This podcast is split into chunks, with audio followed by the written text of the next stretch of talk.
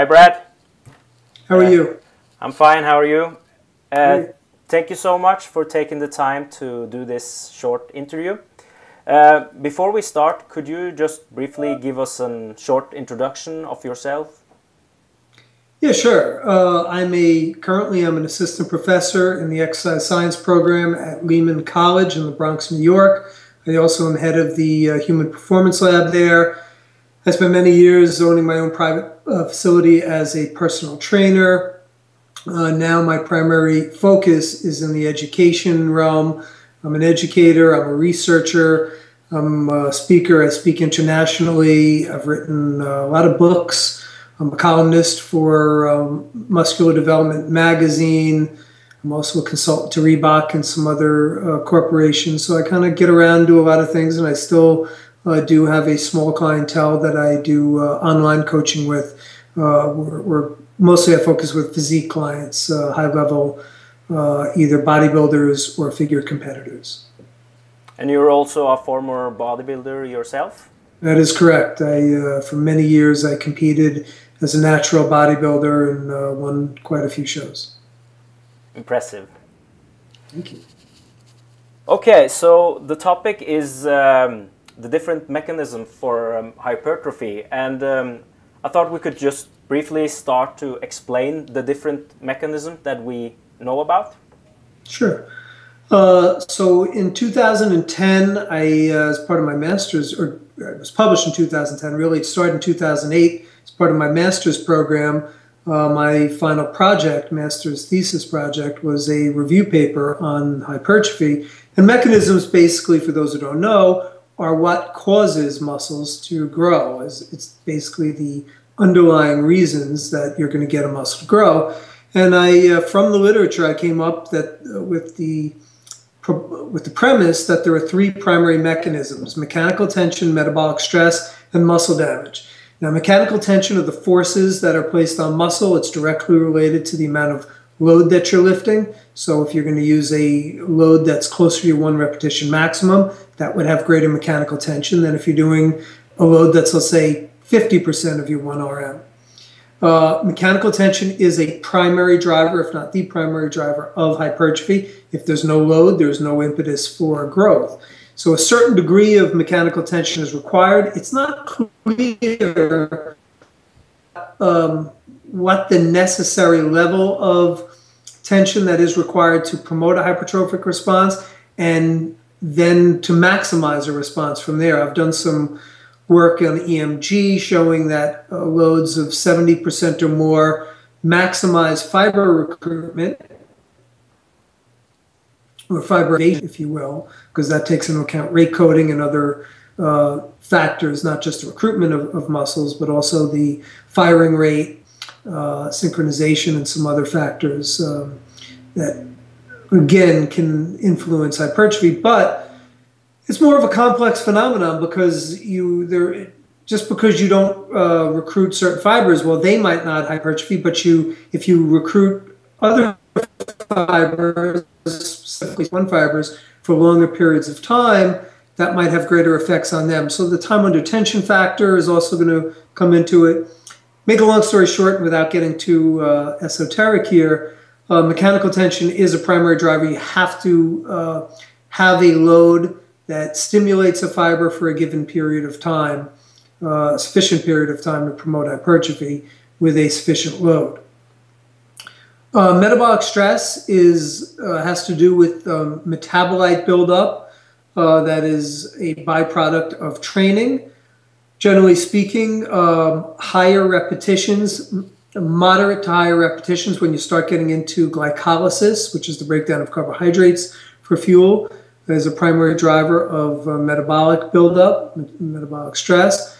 And there's quite compelling evidence that uh, metabolic stress can uh, drive hypertrophy. Uh, there's multiple factors involved here. Uh, on a basic level, it can just be that the metabolic stress drives greater fiber recruitment, and that's been hypothesized. But there's multiple other factors, including increased cell swelling, uh, the um, uh, various myokine production, which are intrinsic factors uh, that are released through the muscles themselves, either in the cell itself, which is called autocrine release, or, or paracrine release, which is between adjacent fibers. Um, so, so there are various factors that um, that potentially can drive metabolic stress, and certainly there's quite compelling evidence that metabolic stress is a, a factor of hypertrophy. And the final one is muscle damage, and uh, that is the that is where you get micro tears within muscles, and that's driven by the load to some extent, but also by the contraction mode. So eccentric actions tend to get greater muscle damage than concentric actions. The stretched position tends to get greater muscle damage than the shortened position. So certain factors uh, can drive greater muscle damage. And at least theoretically, I, I wrote a paper on this. Um, too much muscle damage is certainly a bad thing because it, uh, if nothing else, it prevents you from training properly. And no damage would probably, at least seemingly, not uh, or, or, take out a potential driver of hypertrophy. So there seems to be a sweet spot within muscle damage that uh, that can drive hypertrophy. Now, all this together, without rambling on too much, uh, what remains to be determined is how additive each of these factors are. So one of the things that I'm looking at in research is is there a sweet spot where mechanical tension, metabolic stress, and muscle damage combined can be uh, synergistic, or is there a threshold by one? Let's say you reach a certain level of mechanical tension, and then regardless of whether you get the other two factors involved, they're more redundant. That's not clear at this point, and uh, really those are things that hopefully over time we'll get more uh, knowledgeable about. Thank you, Brad. Um, the paper actually is one of the best papers I, I've read, and I recommend it to a lot of colleagues and a lot of students that, that I have. So it was a great uh, contribution to the evidence-based uh, society of, of fitness. Thank you. Uh, but when, when we're talking about the different mechanisms, obviously this is important to know when we talk about rep ranges that you should should train with because uh, you often hear that um, if your goal is to maximize muscle growth, you should train only in the 6 to 12 repetition range. Uh, is this true, or, or is it um, uh, purpose to train with lower or higher reps than this range? That is a great question. So I, am going to answer this tangentially and then hopefully uh, tie this in. But it's interesting that it's been shown that um, you can grow on pretty much any repetition range and work from my lab. I've had done now multiple studies on this where reps anywhere between 3 to 30 promote roughly the same hypertrophy. Um, there's not much difference at the whole muscle level. Now, there is some quite compelling evidence, specifically out of Russia, which does show that there are fiber type specific effects to training in different rep ranges. So, um, higher repetitions with obviously lighter weights, if you're going to do, let's say, 20 reps, you're going to have to use much lighter weights to achieve a fatigue level within that rep range. Uh, they tend to promote greater type 1 fiber development, which is your slow twitch fibers, and that seems logical because your type 1 fibers fatigue, uh, it's very, they're very difficult to fatigue, and thus extending a set over a longer period of time would tend to tap into their fatigability whereas your type 1 fibers fatigue very readily, very easily, and thus if you're training in a lower to moderate rep range, you're going to fatigue them, and thus as, as long as you're getting a sufficient volume, you'll get a good fatigability within them. And thus it has led to at least my speculation that combining moderate and um, low, moderate, and higher rep ranges would be optimal. Uh, and by the way, low repetition ranges also have been shown to enhance greater strength um, improvements. And thus, that is a potential driver if you can increase strength, and that translates into greater strength in a moderate rep range, then you would at least assume that you're going to get greater mechanical tension, and that can drive even more hypertrophy. I have just completed a study, or just, uh, I'm sorry, just published a study. I just have a study that has been accepted for publication. It hasn't actually come out, but it should be on. Uh, it should be published within the next two to three weeks. But it was accepted in the International Journal of Sports Medicine. It's a really good journal. Really happy about it. And we essentially looked at a DUP, a daily undulating periodization, where we had a low low repetition day, moderate rep day, and a high rep day versus a hypertrophy rep range in eight to twelve rep range. And the interesting findings were that there were no significant uh, differences in the um, in the hypertrophy at the whole muscle level. Now we didn't do biopsy to see whether there might have been differences at the uh, fiber type level versus type one, type two, two A, two X. Um, but the there were while there weren't significant differences, and significant here does not mean has nothing to do with the magnitude of results. It has to do with the probability. So to say no significant results means that you cannot say with 95% or more confidence that the results were not due to chance. But we did effect size calculations, which is another statistical measure, and uh, they did seem to show a potential benefit for the uh, varied rep range. And the study duration was somewhat short. It was an eight week study. Could extending that over 12, 16 weeks might have, could that have made a difference? Perhaps. So um, the jury is still out, and my uh, at this point my recommendation still is that I, I do believe you are going to get better results training through a spectrum of rep ranges, and certainly there is no credence to the fact that you need to only train in a te- uh, that's shown pretty clearly that you don't need to train in that hypertrophy range, that 6 to 12, 8 to 12 rep range to maximize growth. Okay. I'm really looking forward to the paper that you mentioned uh, to read it. You have any time when when it should be published? Yeah, it, generally two to three weeks uh, would be my guesstimate. It's obviously up to the journal, and each journal has their own timetable.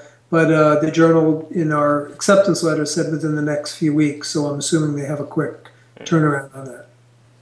And I assume you will post it on Facebook when it comes? I always do, yes. I'll post it and I'll discuss it. Yeah. You also did um, another study recently where you um, look at, looked at uh, bro splits versus total body training. Yeah. What was the main findings that you found in that study?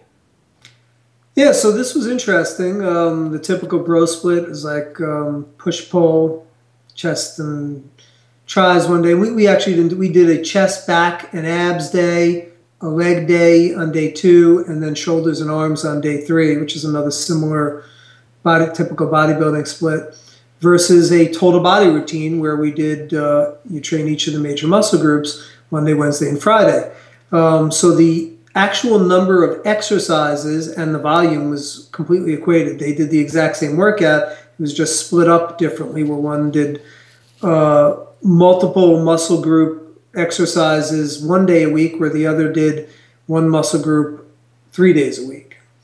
So instead of doing like nine sets for chest one day, three sets of uh, presses, three sets of flies, three sets of incline presses, uh, the other would do Monday a chest uh, press, um, uh, Wednesday a incline chest press, and uh, Friday a chest fly. Uh, the split the split routine did not fare as well, so the muscle development was greater in the for, for the most part in the total body routine, which was somewhat surprising. given that a recent survey of bodybuilders showed that every single one of them was 126 bodybuilders. Every single bodybuilder trained with a split routine. So uh, 126 out of 126. That tells you what bodybuilders think. Now, so here's the caveat to that. So what this tells you is that training a muscle more frequently seems to be more beneficial to muscle growth, provided that volume is equated. However, what a split routine does is allows you to get greater volume per muscle group. So it does afford you an ability to train more frequently during the week. Let's say you can do um, four days, four days instead of three days. Really, if you're going to allow the generally accepted 48 hours between workouts, no disrespect to the Norwegian study, which I know did every muscle group every day or something. Yeah. But generally, for most people, that's not feasible, and it's just not. I think that needs more study anyway, because there's reason to think that that might not be the best for muscle growth over the long term as well. So, given the customary 48 hours between muscle groups, really in the total body routine, you're limited to a three day a week routine. Whereas a split routine, you could do a four or five day routine and still get, a, you can increase the volume for per muscle group. And might that generate a greater hypertrophic response? It might. We didn't study that, so I can't say. That would be really the next thing to study would be looking at if you take a take it more practical real world and then say all right i'm going to be able to do 20 sets for my chest rather than nine. And how will that affect uh, how will that affect hypertrophy? And that really needs to be seen. But uh, i think what the study showed quite nicely that we did was that frequency does play a role uh, here and that on a volume equated basis greater frequency seems to be a more important factor it uh, will be interesting when the um, it's called the frequency project here in yep. Norway uh, with the powerlifters when it gets gets published and if people can replicate it and see if they actually find the same findings that they did. I'm actually bringing one of the um, one of the researchers to do an interview with him regarding the frequency project that also will be published on on YouTube. Interesting. Yeah. But uh, in regards to the, the bodybuilding survey that you mentioned, I think if I don't, uh, if I'm not forgetting, I think they actually most most of them trained either once a week, and there were nobody that trained more than the uh, the muscle group more than twice a week. That is correct. Yeah. So uh, 60, roughly two thirds trained each muscle group once a week, and the balance, the rest of the one third or so trained the muscles twice a week. No one trained three days a week. Here's what I will say. It also this should be noted. Um, there is a lot of overlap. So when you do, let's say, a lat pull down, your uh, sternal, the sternal head of your pectorals are going to be involved. When you're doing a shoulder press, your triceps are going to be involved. When you do a chest press, your anterior delt's going to be involved. So depending upon how you're splitting it up, ultimately you are going to train your muscle more than that uh, that frequency. Uh, now, what type of stimulus they're getting, uh, that can be uh, discussed and argued, but uh, it kind of is, is a misnomer, uh, certainly with the upper body musculature in particular, to say that you're not getting different, you're not training mu the muscles more than once it's uh, it's great that you do, you mention it because uh, I think a lot of people forget that when if you're training really frequently as well, there will be a lot of overlapping between the muscle groups. Yep. Okay, Brad. Um, the final question is uh, it's more towards when you get more more advanced because when you start as a as a beginner and lift weights, uh, you usually get results just by exercising, and when you get to the intermediate levels, things start to get a bit harder. But when you get to the advanced level, it really gets hard to pack on more muscle size. Uh, what is the reason for this, that it gets more difficult to pack on, on muscle? And what's your advice on how you should modify your training when you reach that level? Actually, actually, before we before you answer that question, what would you define as an advanced individual? Yeah, that's that's really a difficult question because it's not necessarily how many years of training. I mean, I know people that have trained three years and they train crappy, for lack of a better word, for three years and haphazardly. And uh, I know people that train six months and they're really tight with their training and they're more advanced than the three-year person. So um, difficult to to quantify that in in terms. So, I mean, when I do a study, we uh, consider a trained subject someone that's training one year, minimum one year, and a minimum three days a week consistently without having breaks over that one year period. But like I said, there, it really comes down, there's a qualitative aspect to it. So hard to really quantify that for you or qualify it for you, uh, other than to say that when you are one, you know it.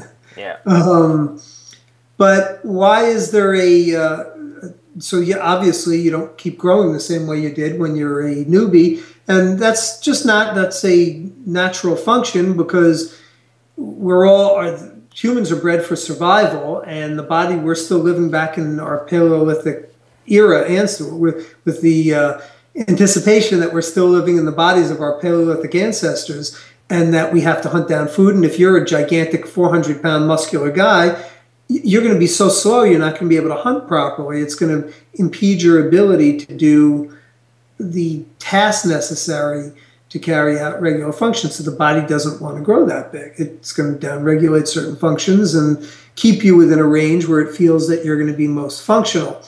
Um, so you have what's called a ceiling effect, and the closer you, so everyone has a kind of a limit to where their genetics want to take them, and as you get closer to that limit, there's less room for growth.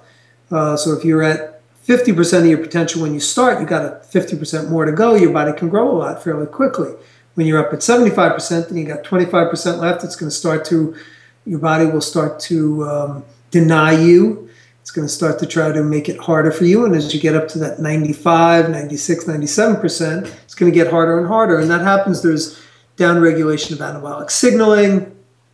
Um, and there's certain other factors that have been shown that will start to make it harder. What do you do? Well, you need to train more. The more, the closer you get towards your genetic ceiling, the more scientifically you need to be about it. Um, generally speaking, I found that as you get um, more experience, you need more volume. Training with high volumes all the time makes you overtrained ultimately. So there's going to be um, at some point, and this is going to be different for everyone. You keep training with really high the body will uh, will have a negative reaction ultimately, and you'll start to plateau and then even um, regress through increased incidence of illness and other factors that can come about. So really cycling the one of the things that I'm big on is having deload periods, cycling volume, so having regular deloads, meaning that you're going to, let's say, train high volume for several weeks, and then you have a week where you're training lower volume, and then even across periods where you have certain cycles. Let's say you move from a uh, nine sets to 12 set, nine sets a week to 12 sets a week to 15 sets a week, and cycle that over the course of a given period of time, whether it's each month, two months. There's no set limit to this. This is really where the art of, of training comes in, and really you need to customize this to each individual. Uh, making greater use of rep ranges, or the spectrum of rep ranges, I think becomes more important at that point to make sure you're getting all the different fiber types involved. Um, so it really becomes more of a scientific endeavor. Uh, I modulate uh, increases in volume with greater frequency. That's certainly, to me, the most uh, viable way to do it. So you might have someone training three days a week for, let's say, six, four to six weeks, then training four days a week, four to six weeks, and then training six days a week, four to six weeks, then taking a an active recovery phase. And this is a form of periodization. There's multiple ways where it can be carried out. Um, one thing I'm really big on is that there's no right or wrong way, just the best way for a given individual in a given situation. And that's why I can at this point just talking generalities. There is no cookie cutter prescription that I can give or that anyone can give. Anyone that says they have the ultimate routine for everyone is bullshitting. so you got to run from that. There, there is no uh, there's no panacea as far as that goes, and uh, ultimately, it, like I said, you can gain quickly uh, in the initial stages doing almost anything because anything is an overload stimulus at that point to someone who's been sedentary and not doing anything.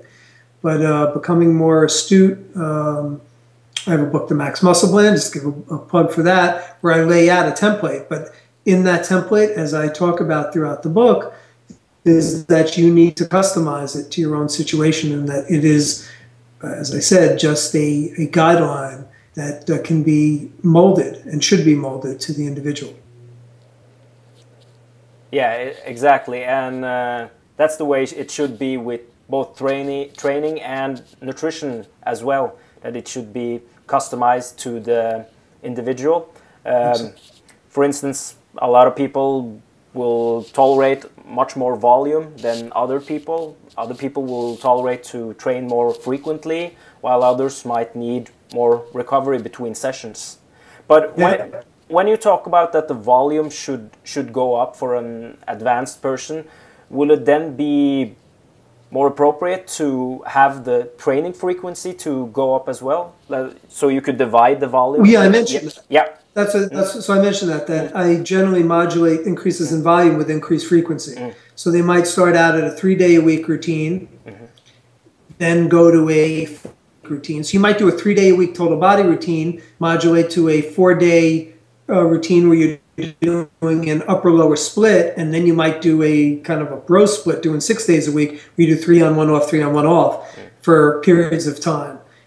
Training six days a week, the volume is going to be higher. So keeping the time of the session roughly the same.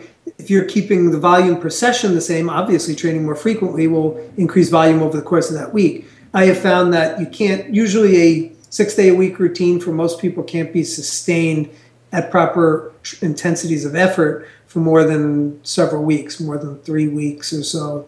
And that's why usually I think three to four day a week routines work best for given periods of time and you use a six day a week routine kind of as a shock phase and really that's where you're going to maximize you super compensate uh, but you're not going to uh, really when you're, you're looking at these it's a matter of eking out those last little bit of gains you're going to be growing a few pounds a year at that point it would be good for a natural trainee would be good progress whereas during the early phases of training i mean you can gain dozens of, of pounds of muscle uh, over the course of time. Yeah, and you see, um, I've I've heard you mention it on uh, Facebook a couple of times that you see a lot of um, individual differences with what people actually can gain in a given time frame.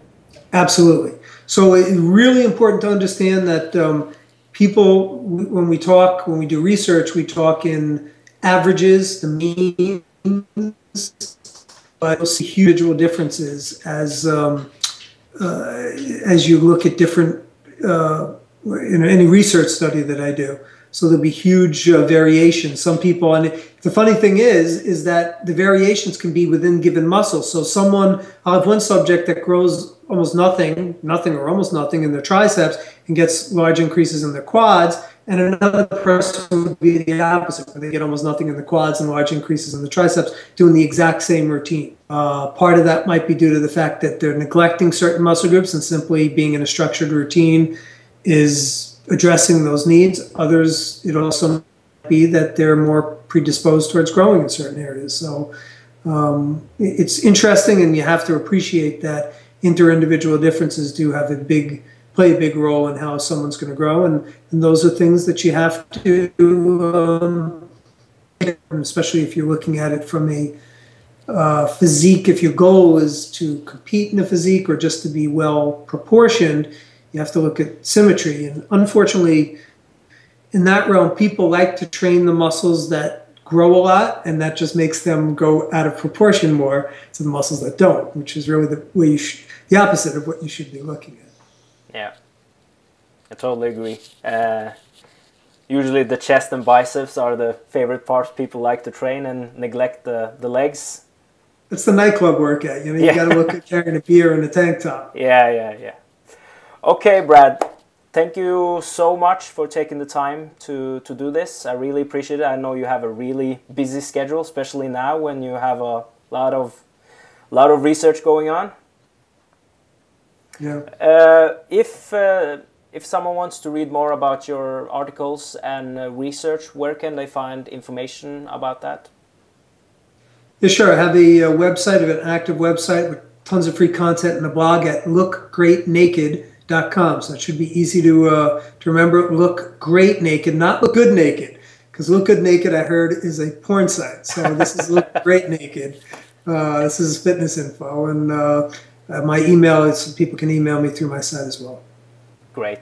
And you also have some books. that They are available at Amazon.com, right? Correct. My uh, current, most recent book is called The Max Muscle Plan, which is a um, total routine, total body routine for optimizing your muscular potential.